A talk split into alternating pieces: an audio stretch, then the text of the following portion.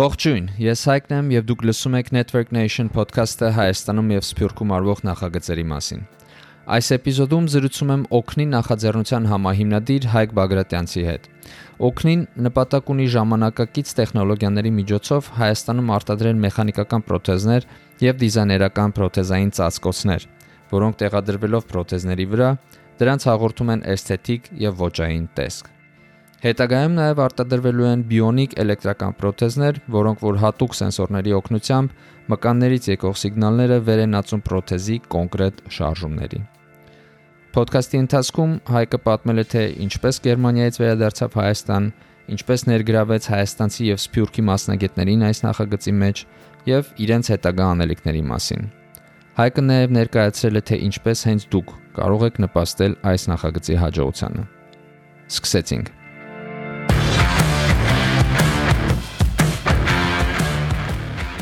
Իմ անունը Հայկ Պակրատյանցը, ես Գերմանիա ու Անգլիայում եմ մեծացել, այսինքն դպրոց ու համալսարան ավարտել եմ Անգլիայում, ու հետո ես աշխատել եմ որպես business strategy consultant, այսինքն ես մեծ ֆիրմերներին Գերմանիայում խորհուրդ է տալիս թե ոնց թազա շուկա մտնեն, թազա product շուկային բերեն, ուրիշ ֆիրմա առները mergers acquisitions եւ այլն։ Ես հենց որ պատերազմը սկսվեց, ես շատ սկսվեցի ակտիվիզմի հետ, այսինքն ես այդտեղ շատ եմ զբաղվում թերթերի համար արտիկլներ եմ գրում ու շատ ոնց որ ակտիվիզմով եմ զբաղված։ ու նաև իմ ընկերների հետ, որոնք որ ես 4 տարի առաջ որ ես Birthright Armenia էի արել, այսինքն կամավորություն էի անում դեպի հայ կազմակերպությունի հետ, իմ ընկերների հետ ոնց ասես brainstorming ենք անում ու մենք բոլորը ոնց որ տեխնոլոգիա ենք շատ սիրում ու մենք մտածում ենք թե ոնց կարանք Հայաստանին երկարաժամկետ ձևով օգնենք ու մենք ոնց որ research արեցինք հետաքրվեցինք թե ինչ խնդիրներ կան Հայաստանում ու այս պրոթեզների հարցը ագին բավականին շատ մեծ խնդիր է ու խնդիր է լինելու որտեվ նաև այդ պրոթեզները մարդ որ դրմա պրոթեզը 3 տարի հետո էլի պետքա փոխի, էլի փոխի, այսինքն շատ մեծ գումարներ են հավաքվում ժամանակով։ Ու հետո մենք հայտարարվեցինք ու ագին շատ շատ մեծ պոտենցիալ տեսանք, քանի որ հիմա թազա տեխնոլոգիաները այդ ամբողջ ինդուստրիան փոխում են ու փոխելու են ապագայում ու մենք ուզում ենք որ Հայաստանը սկզբից արդեն դրա մեջ արդեն ընկերված լինի Հասկացա։ Սպասի, բայց դու դրա մասնագետն ես, թե դու ինչ ես ավարտել, այսինքն տեխնոլոգիական գծով ես դու։ Չէ, ես դե business strategy consulting եմ արել, այսինքն մենք ոնց որ Volkswagen-ին կամ Porsche-ին մենք խորհուրդ ենք տալիս, այսինքն ես ամբողջովին մասնագետ չեմ։ Իմ արածը այնա, որ ես մարդիկ եմ գտնում, որոնք ինձանից 10 անգամ ավելի խելացի են, ու ես կարողանում եմ ինձ մի ձև համոզեմ, որ իրանք այս պրոյեկտի վրա աշխատեն։ Այսինքն մենք մասնագետներ ունենք Stanford համալսարանից, մենք մասնագետներ ունենք Google-ից, որոնք որ հենց տեխնոլոգիաներով զբաղվում են։ Ահա, ահա Հա, այդ իրական շատ զավեշտալի էր, երբ որ ես լրիվ պատական հայտնաբերեցի, որ ձեր խմբում իմ հորիեղբայրն էլ է, որպես researcher։ Այո։ Այո։ Այդ շատ ուրախ, ուղղակի ուրախացել եմ դրա վրա։ Okay, լավ, այսինքն դու Գերմանիայից պատերազմից հետո հասկացել ես, որ խնդիր կա, այդ այդ պրոթեզների ոնց որ խնդիրն է, հա, վիրավոր վիրավոր մեր վետերանների համար ու մտածել եք ոնց կարաք այդ հարցը լուծեք։ Այո Okay։ Ու ու ինչ եք անում, ոնց եք փորձում այդ հարցը լուծեք։ Ահա։ Ուրեմն մեր մեր ուզածը նա է, որ հենց հիմա մեծ խնդիր կան հանրաշանդավների համար Հայաստանում ու ոչ թե մենակ Հայաստանում, այլ ուրիշ երկրներում հենց նույն խնդիրը կա, դա մենք նաև շատ մեծ պոտենցիալ ենք տեսնում, հենց որ մենք արդյունքին հասել ենք, հենց այս նույն օրգանիզացիա մենք կանանք նաև ուրիշ մասնաճյուղեր նաև բացենք։ Ուրեմն խնդիրը նա է, որ հաշվանդաները հենց հիմա իրանք պետքա որոշեն, թե իրանք ուզում են մի հատ էժան պրոթեզ ստանան, որը որ շատ քիչ է թողում, որ մարդ շարժվի, ցավերա տալիս եւ այլն եւ այլն, բայց էդի անվճարը են հասնում, քանի որ էդի ոնց որ այդ պետության այդ վաուչերը որ ստանում են, էրա մեջը մտնում է։ Կամ իրանք լավ շատ լավ պրոթեզներ կան, որոնք որ շատ թանկ են։ այսինքն այդ դրանք նենց թանկ են, որ այսինքն ես մա խոսում 15-20 հազար, մինչև 50 հազար դոլար պրոթեզներ կան, նաև 100 հազար դոլարանոց պրոթեզը կա։ Այդ պրոթեզները բավականին նաև սեղ Եվրոպայում է ոչ մեկ չի կարողանա ոչ բոլորը կարող են իրոք դա առնեն այսինքն խնդիրը նա է որ հիմա Հայաստանում մարդիկ պետքա կամ մի հատ օրգանիզացիա գտնեն ու շատ լավ օրգանիզացիան կան որոնք որ այդ գումարը պատրաստում են այդ գումարը պատրաստում են բայց էդի sustainable չի այսինքն ասենք թե հիմա միլիոններ հիմա մենակ այս 150 հաշանդամների համար որոնք որ պատրաստմից եղել են մոտորապես 5-ից մինչև 8 միլիոն դոլար է ծախսվել ու մենք չենք կարող որպես Հայաստան այդ նույն գումարը 3 տարի կամ 4 տարի հետո էլի հավաքենք ու հետո էլի էլի այսինքն մենք տեսնում ենք որ շատ մեծ խնդիր է այսի առաջացնելու բացի այդ 150-ից որոնք որ հիմա պատերազմից են բավականին շատ բարձր թիվ կա Հայաստանում հաշանդամներից ուրիշ պատեր առաջա պատերազմից երկրաշարժից դիաբետից, այսինքն հիվանդություններից, ավտովթարից, այսինքն շատ մեծ խնդիր է, ու մենք ուզում ենք նաև որ մենք ուզում ենք թազա տեխնոլոգիաները օգտագործենք, որպեսզի գինը ցածրացենք ու որակը բարձրացնենք։ Դա մեր ուզածն է, ոչ թե մենակ պրոթեզների համար, այլ նաև մենք ասում ենք հոգեկան ասպեկտով ու ու նաև ռեաբիլիտացիայի ասպեկտով։ Բայց ոնց որ ամեն մեկին մի բանին ենք ասում, հետո մյուսին ենք անում, հետո մյուսին։ Այս մենք մի ասած ստրատեգիա ունենք, թե ոնց ենք մեր ուզածին ուզում հասնենք։ Okay, հասկացա։ Գիտես ինչ եմ ուզում հասկանամ, նա այդ որ ասում ես, ասենք, այսքան վետերան կա, այսքան խնդիր կա, առաջինի ոնց որ պատերազմից հետո սեն այսքան խնդիր կա, բան։ Այդ սա թվերը այդ ստատիստիկան ձեզ որտեղից պետությունն է տրամադրում, թե որտեղից եք դուք այդ թվերը իմանում։ Այո, այո, պետությունից ես հենց ասեմ պետությունից մենք թվերն ունենք, բայց նաև մենք մենք մենք մեր թվերն ենք նաև հավաք, այսինքն քանի որ մենք բոլոր պրոթեզների պրոթեզ կլինիկների հետ Հայաստանի հետ կապի մեջ ենք, շատ ակտիվ կապի մեջ, մենք նաև մենք մեր թվերն ենք նաև կազմել ու մենք միշտ վրա վրա աշխատում ենք, որ մենք ավելի կոնկրետ դառնանք, ավելի կոնկրետ ու նաև հասկանանք, թե Երևանից դուրս ու Արցախում խնդիրներ ինչ են, որովհետև տեղի թվերը ստանալը արդեն բավականին ավելի բարդ է։ Հասկացա։ Լսի մի հատ սենց հարց։ Ես ես վերջերս լրիվ պատահական իմացա, իրական այդ Armenians Forward Together այդ ֆորումի ժամանակ Տամարա Բաբայանը, որ այդ գործընկերները այդ որ կազմակերպել են Երևանում։ Այո։ Ես on-line ոնց որ դրա մասնակցում եի ու լրիվ պատահական լսեցի խոսակցությունից մեկի ժամանակ, որ մեր կառավարությունը իրականում բավարար չափով պրոթեզներ արդեն առել է, հա, բայց դրանք են ստանդարտ պրոթեզների մասին է խոսքը ոնց հասկացա ես էլի ու ոնց որ ոնց որ կա այսինքն մեր հիմիկվա վետերանների համար կան այդ պրոթեզները հիմա դուք ոնց եք դրա հետ այդ այդ հարցը ոնց եք դուք դիտարկում այսինքն մեկը ձեզ համար գործում է հիմա թե չէ դրանից հետո Չէ մնում է ես ես ասում ես ես կասեմ էսի շատ լավ բան է որ արդեն պրոթեզները տրամադրում են նայեք խնդիրը նա է որ մենք հենց հիմա պատրաստի պրոթեզ հենց չունենք, այսինքն ոդկի պրոթեզ։ Հեսա կարող եմ նաև մի քիչ պատմեմ թե բացի ոդկի պրոթեզ մենք ինչ ենք կողքից նաև արե ու անում։ Դա շատ լավ է, որ պետությունը միանգամից տրամադրել է ոչ թե մենակ պետությունը, նաև շատ լավ կազմակերպություններ կան Eternal Nation, այսինքն յանք 68 հոգու համար շատ լավ որակի պրոթեզներ են արել, զինվորի տունն պրոթեզներ արել բայց այդ բոլոր ինիցիատիվները ու ես հենց ասեմ մենք որ այս պրոյեկտը սկսեցինք մեր առաջի քայլը հենց նա էր թե մենք հասկանանք ինչ ինիցիատիվներ կան ինչ են հայրը ինչ են անում որպես մենք հասկանանք թե մենք ոնց կարանք դրան օգնենք այսինքն ոչ թե նույն գործը անենք այլ ոնց կարող ենք նենց անենք որ value add լինի այդ բոլոր ինիցիատիվները հենց նա են որ իրանք դրսից առնում են ու ստեղ դնում են դա շատ լավ ստրատեգիա է, որ immediate need կա, այսինքն որ շտապ է, չէ՞, այդ մարդիկ հիմա իրենց հենց հիմա է պրոթեզը պետք, երամա շատ լավ է մենք դրսից առնենք, բայց 3-4 տարի հետո այդ պրոթեզները պետք է փոխեն։ Ու հետո էլի նույն խնդիրի դեմ ենք կանգնելու։ Մենք ուզում ենք էլի 8 8 միլիոն դոլար էլի ծախսենք, ու հետո 3 տարի հետո էլի ծախենք, ծախսենք այ այդ հարցը մենք ոնց որ մեզ պետքա տանք. Թե մենք կարողանանք մենք մեր պրոթեզները Հայաստանում սարքենք ու նաև քանի որ հիմա ոնց էս ասում եմ շատ մեծ արարություններ հնարավորություններ հենց մական շուկայում պրոթեզները հենց հիմա փոխվում են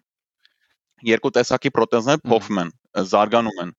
մեխանիկային պրոթեզներում ահագին մեծ հնարավորություններ կան 3D printing-ով, այսինքն այդ 3D տպիչներով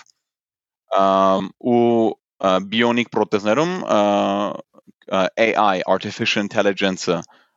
շատ մեծ առավելություններ է բերում ու դա ամողջովին նոր ճյուղ է որ բացում է այսինքն մենք հիմա սկզբից արդեն ուզում ենք որ Հայաստանը այդ ամենի ամեն մեջի մեջ արդեն հիմիկվանից դրա դրանից զբաղվի Թույնա, թույնա։ Հիմա դուք ուզում եք որ ուղությամբ եք ուզում շարունակեք։ Այսինքն ձեր պրոյեկտը ինչի մասին է, հենց կոնկրետ։ Ահա, ահա։ Ուրեմն մեր մեր պրոյեկտը հենց դրա մասին է, որ մենք տեխնոլոգիաներ ենք, թազա տեխնոլոգիան ենք ուզում օգտագործենք, որը գինը պրոթեզներից ցածրացում է ու որակը բարձրացնում է։ Մենք game plan ունենք, որ մենք մեր ամենավերջի ոնց որ ուզածը իրոք այդ bionic պրոթեզներ են, որոնք որ ապագան են լինելու, ոչ թե մենակ Հայաստանում, այլ ամբողջ աշխարհում։ Ահա Մինչև մենք դրան հասենք, մենք milestone-ներ ունենք։ Այսինքն մեր հիմա առաջի խնդիրը մեխանիկային պրոթեզներ են։ Դրա համար մենք մի հատ թիմ ունենք, որոնք որ զուտ մենակ զբաղվում են մեխանիկային պրոթեզներով, առաջի փուլը նաև հենց prosthetic cover-ներն են, այսինքն դա մի ասած կոսմետիկ մի հատ սարքա, որը որ իմիգվա պրոթեզի վրա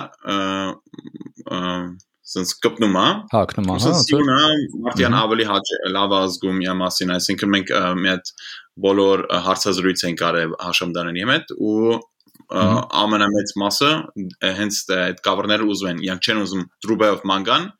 այ մենք ուզում ենք որ պրոթեզները դառնան ոնց որ մի հատ մոդայի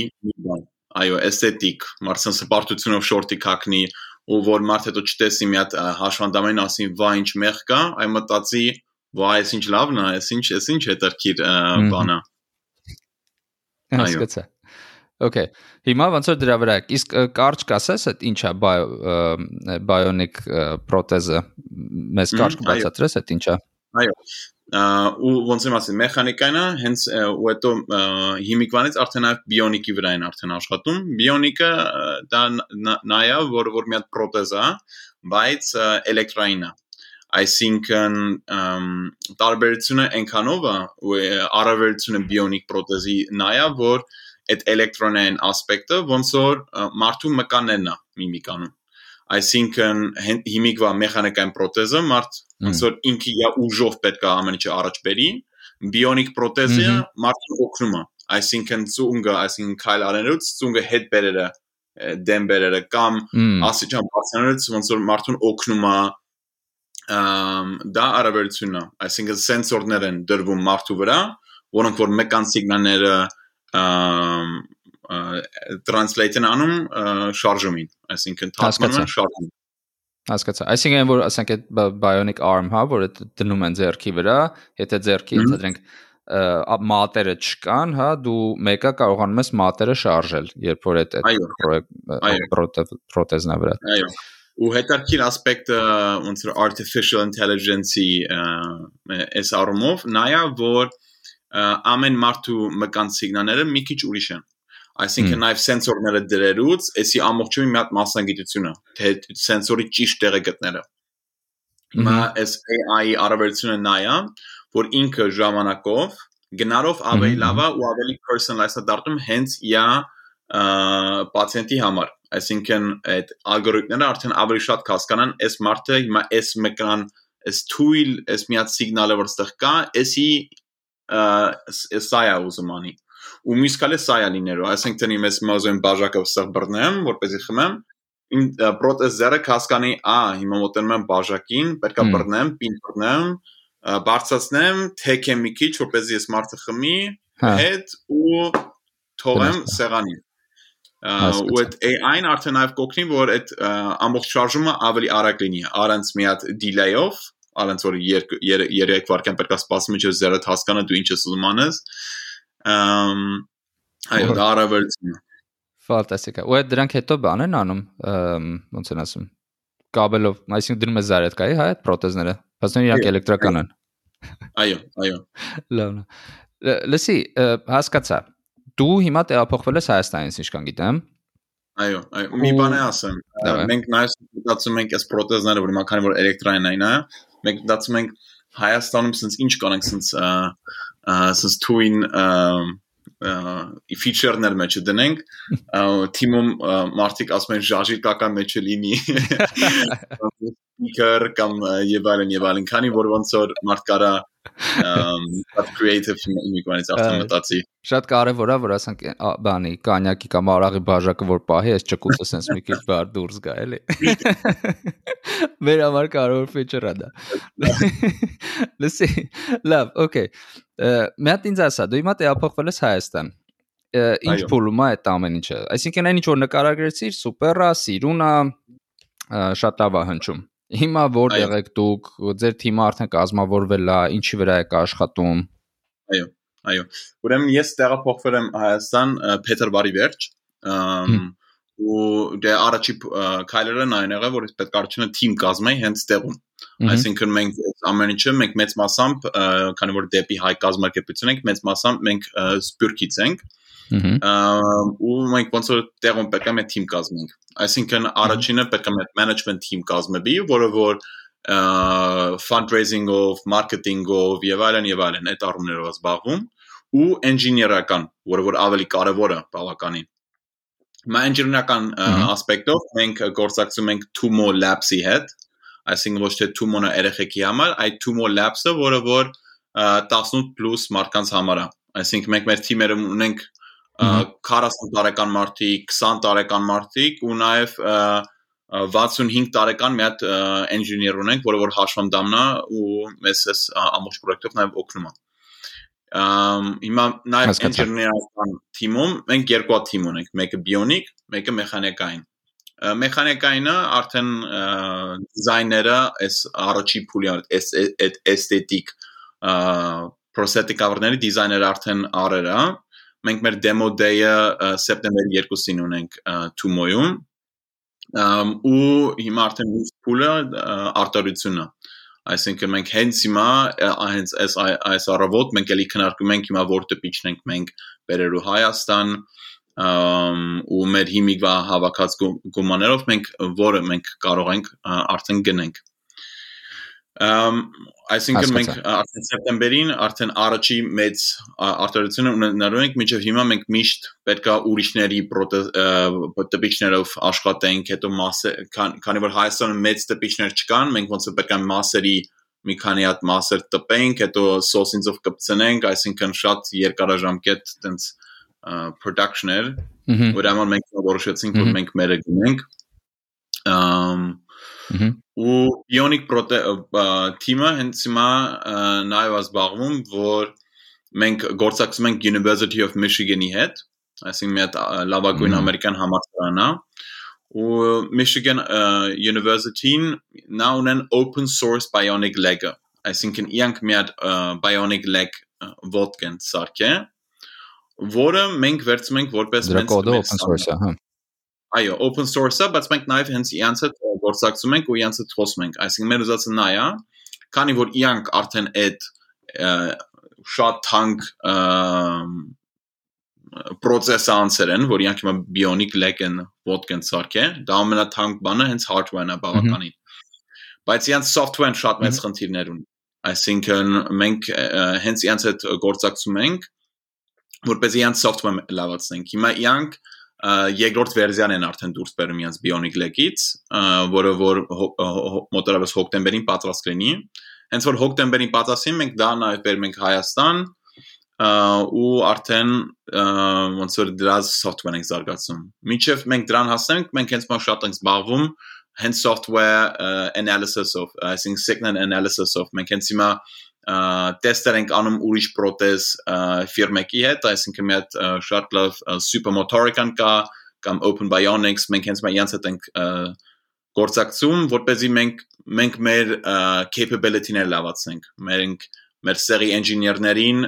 սովորացնենք այդ signal analysis-ը ու մենք սենց ասեմ, կարճ կարող եմ սենց ասեմ, կարող ենք նաև թիմի մասին խոսանք մենք աշխարհի լավագույն մասնագետներին էս էս էս արմով ունենք մենք ունենք այսինքն ոնց դու արդեն ասացիր Արմեն Սարգսյանին որը որ Ավստրալիայում շատ շատ բարձր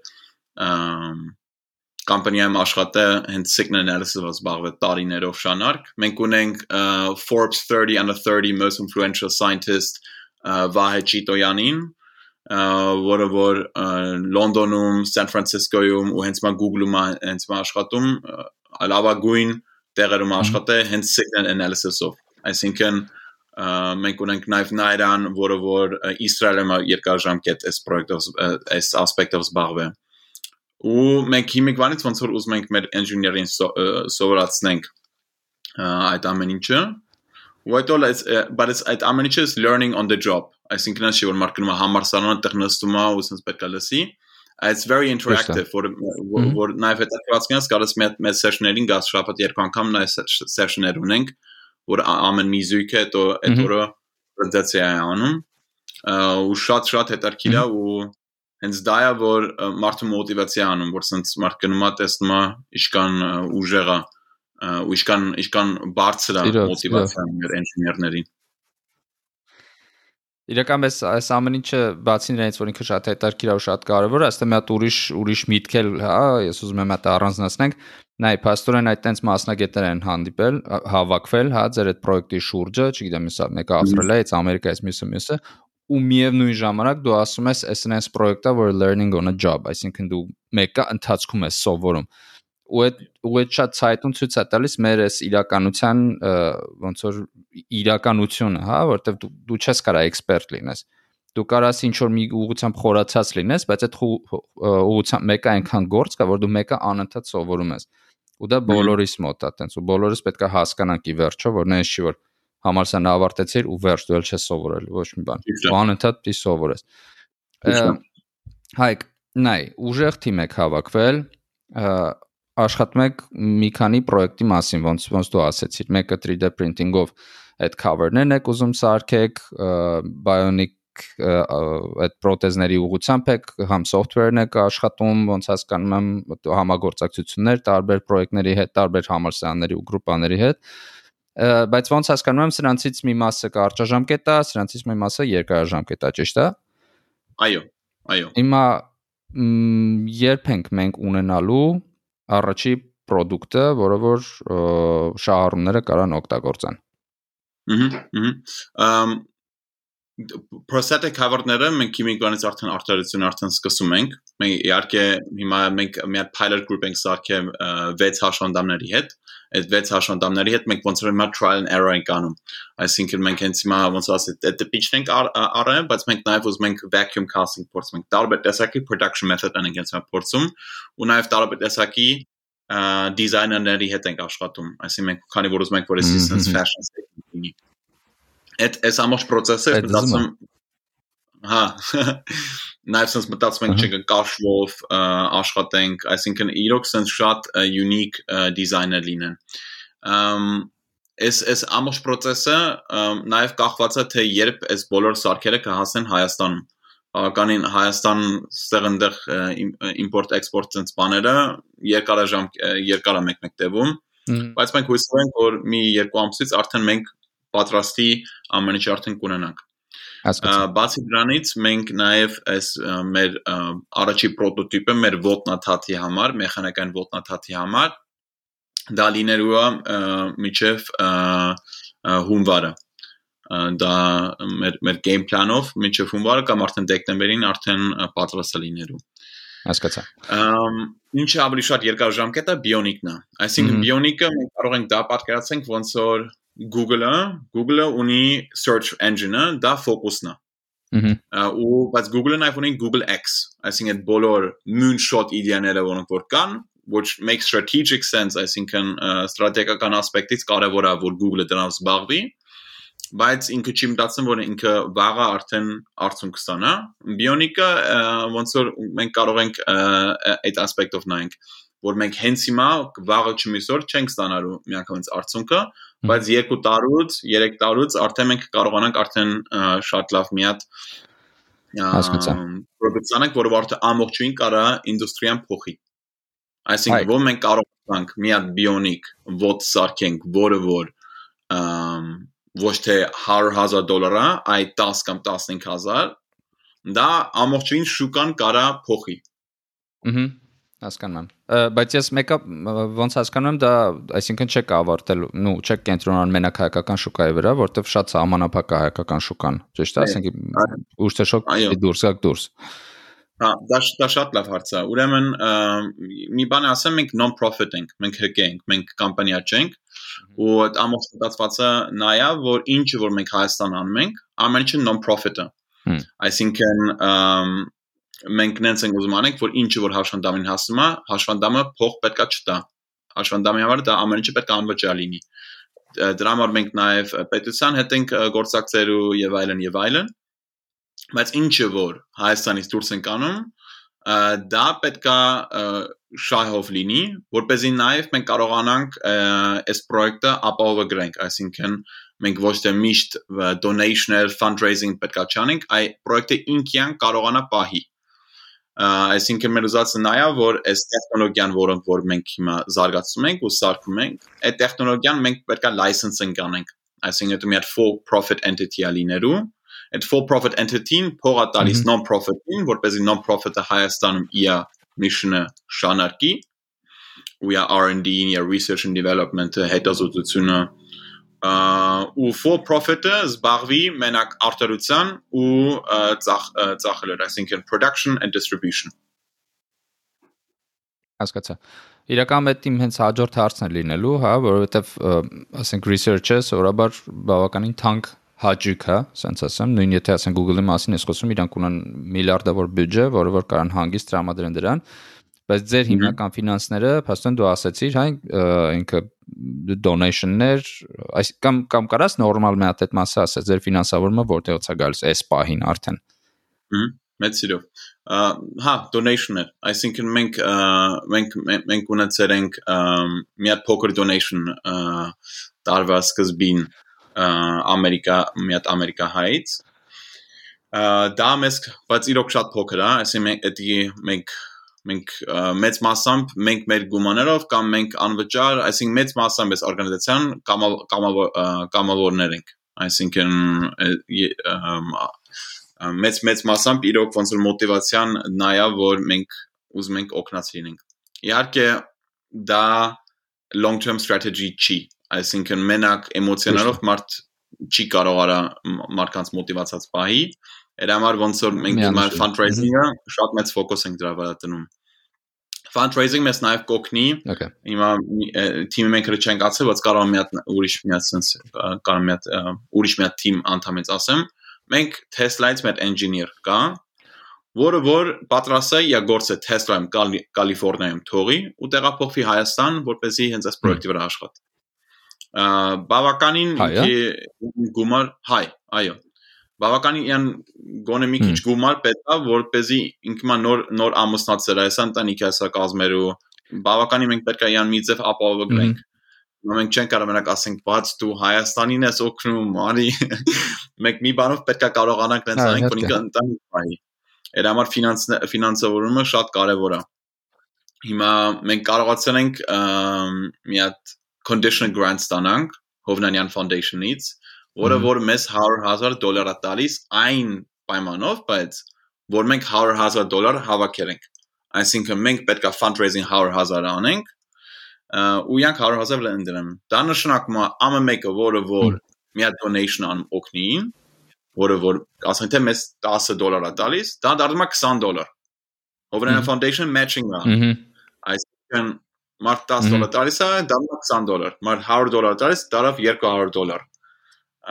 դի ոնց որ extra motivation-ը նաև գործների համար։ Ահա։ Այսինքն հիմա այդ այդ fundraising-ն եք անում դուք։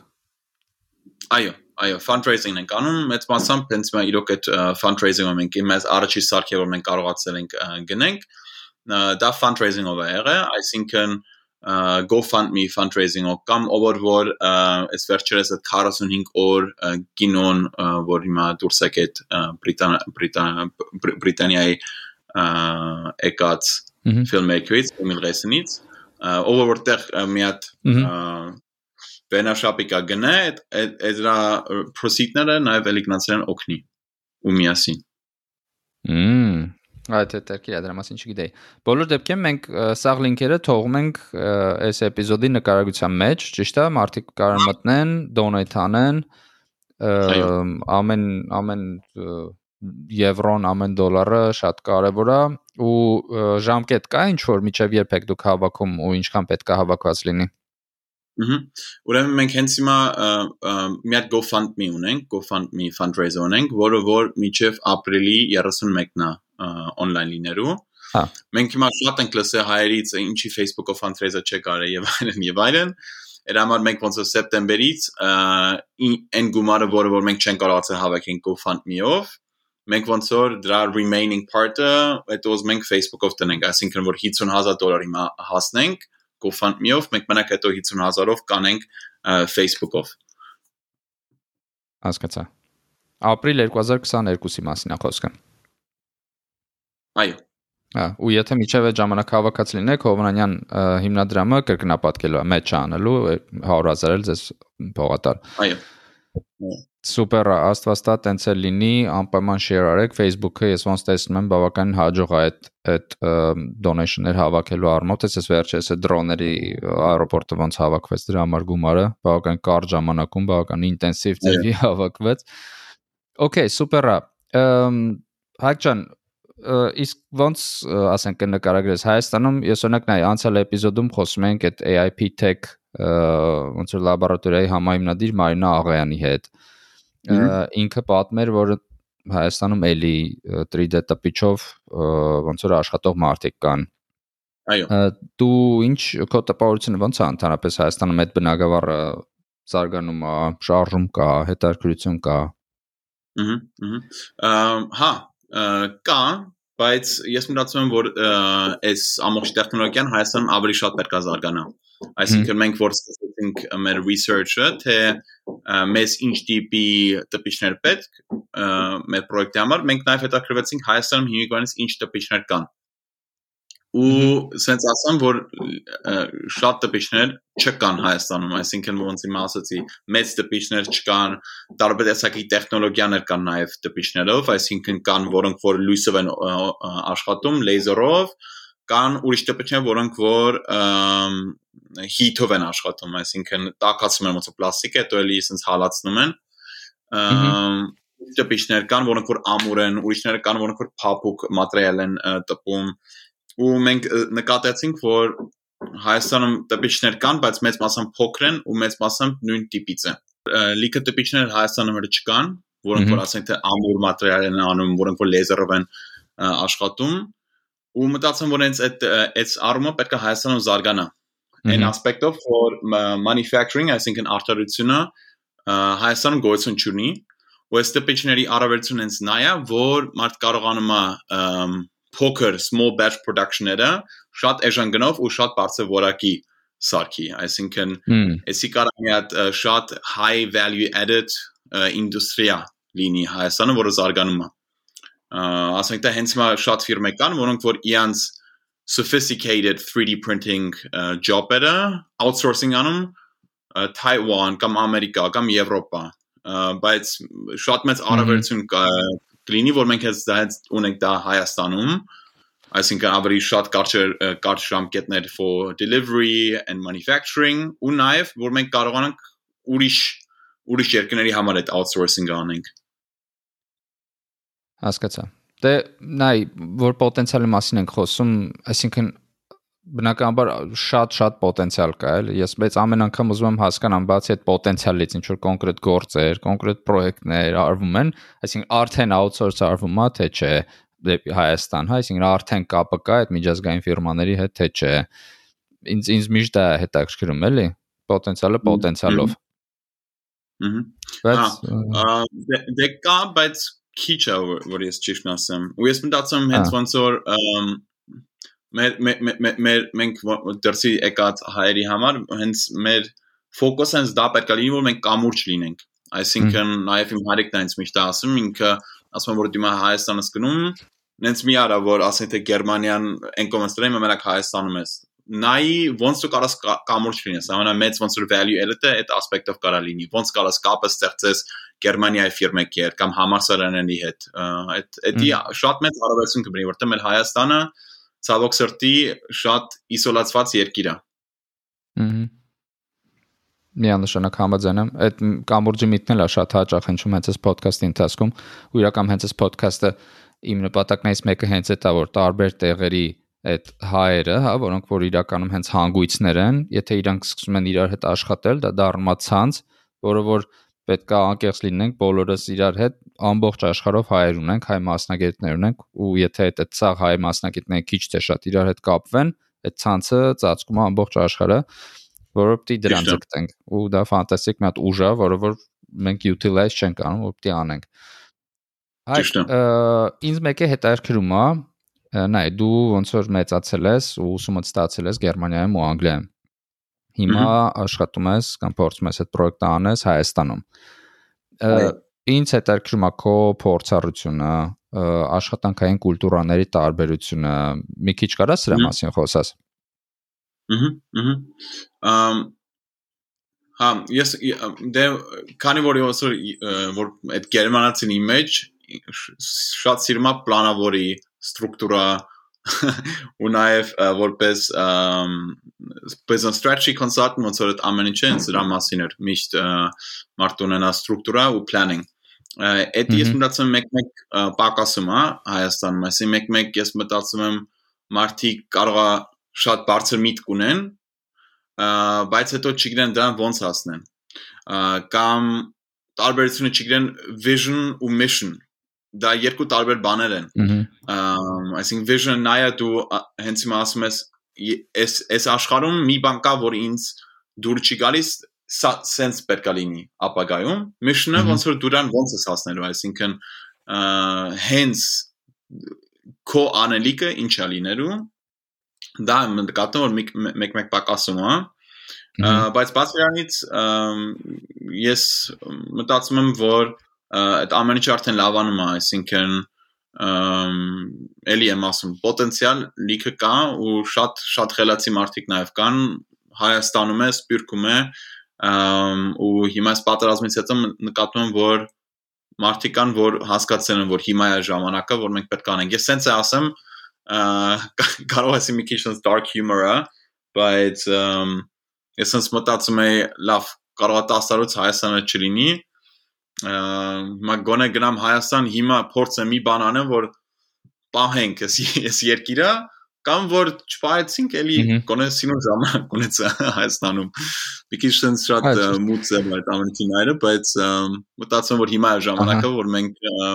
զբաղվենք Հայաստանով Ճիշտ ես ասում։ Ես քեզ միանշանակ համաձայն եմ ու շատ ուրախ եմ, որ ագին մարդ հասկանում է, գիտակցում է դա ու как минимум անկախ նրանից որտեղ ես որ դու գտնվում, ինձ թվում է հիմա բոլորս պետքա ինչ որ մի բան, ինչ որ մի ձևի ներգրավենք հայկական պրոյեկտների մեջ ու հենց այդ քո ասած կամուրջը հանդիսան, այսինքն մասնավորապես դրսի մարդիկ կամուրջ լինեն, ներսի մարդիկ իմանան, որ sense կամուրջ կա ու որ Հայաստանը մենակ իզոլացված երկիր չի այլևս, այլ ինքը կապված է ամբողջ աշխարհի հետ։ Ճիշտ։ Բարձա Հայկ ջան, ավարտենք երևի, ինչ որ բան կա ավելացնելու, որ դու կուզես, չգիտեմ, ինչ որ բան ասես կամ մարդիկ միանան քեզ, ինչ որ բան կա ասելու, որ դու չես ասել հələ։ Հա, կարող ասած վերջում էլի sense ոնց որ ասեմ, մեզ մենք մեր պրոյեկտում ինչ ինչ օգնություն շատ լավ կլինի, այսինքն բացի բացի գումարից, գումարը դե բավականին շատ շատ կարևոր ասպեկտ է, հենց հիմա շատ կարևոր է մենք նաև նայում ենք մասնագետներին ու network-ին, այսինքն մասնագետներով մենք այնքանով ենք հետաքրված, որ